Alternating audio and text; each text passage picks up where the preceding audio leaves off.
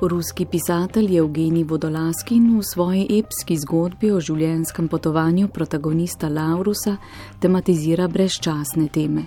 Kot pravi profesorica slovenskega jezika in književnosti Andreja Črne, je roman predvsem poklon veri v ljubezen in človeškost. Aktualen pa je tudi danes, ko smo kot družba postavljeni pred težke izzive.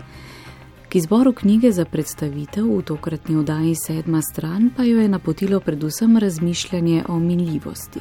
Pravzaprav sem kar razmišljala, kaj izbrati, eh, ker Laurus ni ena zadnjih knjig, ki sem jo prebrala. No, potem, eh, potem sem tako razmišljala o tem času dan danes in se nekako že celo leto otresam misli eh, o naši minljivosti, pa mi ne gre iz glave. In potem eh, zadnje čase veliko krat eh, v roke vzamem eh, zadnjo pesniško zbirko Neže Maurer eh, in eh, z naslovom eh, V pesmih je moje življenje in tam tako lepo piše, človek do svoje smrti ne izpove, ne izpiše, ne izljubi vsega, kar želi. Samo toliko, kolikor v človeško omejeni večnosti in vase verujoči vse mogočnosti more in zmore. Včasih je to malo, včasih več. Eh, no, in tako nekako se mi zdi, da je Laur, Laurus sem pa potem izbrala prav zaradi tega, ker se mi zdi, da eh, nam daje en tak poklon človečnosti. Eh, ogromno nam ima povedati, morda več, eh, pravzaprav zagotovo več, kot lahko naenkrat zaužijemo, naenkrat dojamemo. Izžareva eh, knjiga izjemno toplino. Eh, vrača v vero, v človeško dobroto, odpušča bolečino, ki jo Laurusu zadajajo, recimo ljudje, ki ga spremljajo, neko tako spokojnost naseli v nas. E, ne ponuja nam napete zgodbe, branja na mah, a nas hkrati umiri v naglici in nekih umišljenih potrebah današnjega sveta. Kot nadaljuje Andreja Črne, vodolaskin mojstersko prepleta motive miru, spokojnosti duše, iskanja ljubezni, predanosti, potovanja, spoštovanja narave. Gre pravzaprav za eno tako čudovito geografsko pripoved o zdravilcu Laurusu, ki pravzaprav združuje neomajno vero v Boga in pa vero v ljubezen. Eh, in pravzaprav dolg, ki ga leta nalaga eh, našemu zdravilcu Laurusu spoznavamo, kolikšna je moč besede, besede, ki je tudi zdravila. Roman eh, prikazuje čas posameznika eh, Laurusa v zaključ, njegovem zaključnem obdobju Laurusa, eh, v različnih njegovih življenjskih obdobjih in pravzaprav vse, kar išče, kar najde, kar izgubi, njegove poraze in njegove zmage prepleta se eh, neka zemeljska stvarnost, torej eh, Laurusova zdravilna moč z božjo močjo čudežev. Včasih pomisliš, ali se ima sploh smisel navezati na ljudi, ko pa se je potem tako težko ločiti od njih. Arsenij ga je objel in ga potrepljal po hrbtu. Veš, prijatelj, vsako srečanje je več kot ločitev.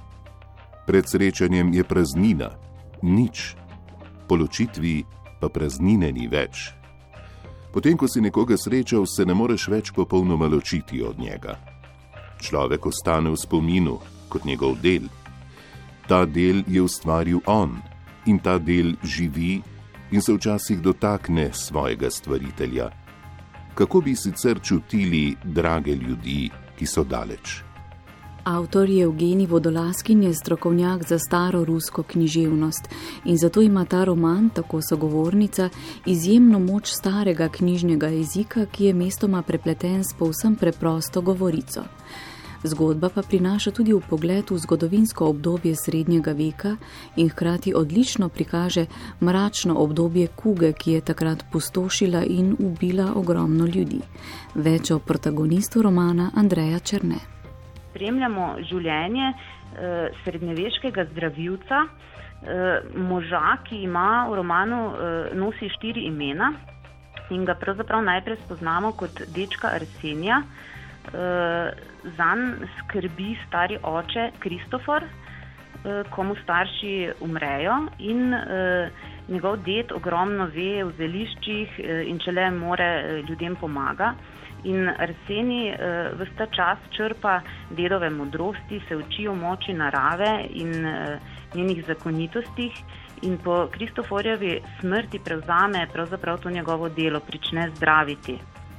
Uh, pred vrata njegove preproste koče pot zanese tudi ustino, lačno, prestrašeno dekle in uh, združi v ljubezen.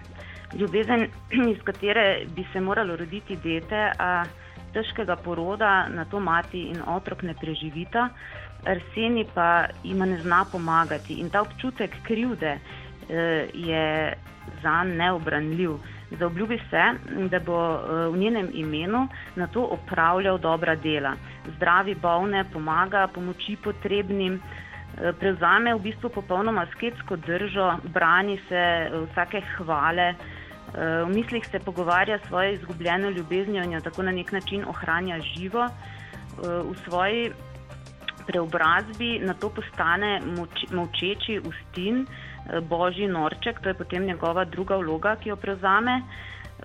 In Ambrogio, nek modri jasnovidec, je pravzaprav njegov edini prijatelj v celotni knjigi, mu pojasni tako. Vse na svetu obstaja zunaj časa kako bi sicer lahko poznal prihodnost, ki je še ni bilo. Mislim, da nam je čas dan iz božjega usmiljenja, da se ne bi zmedli, saj človekova zavest ne more sprejeti vase vseh dogodkov hkrati. Včasih smo zaprti zaradi svoje šibkosti. Z Ambrožjem se eh, odpravita na pot proti Jeruzalemu, eh, na poti izgubi prijatelja in se potem sam vrne v bližino doma, v samostan svetega Kirila. Eh, postane menih in prevzame ime Ambrozi, dokler na koncu kot Laurus se ne vrne umreti v bistvu na domačo zemljo v Rukino Slobodko. Laurus tako nekako predstavlja utelešenje vsega, vsega dobrega.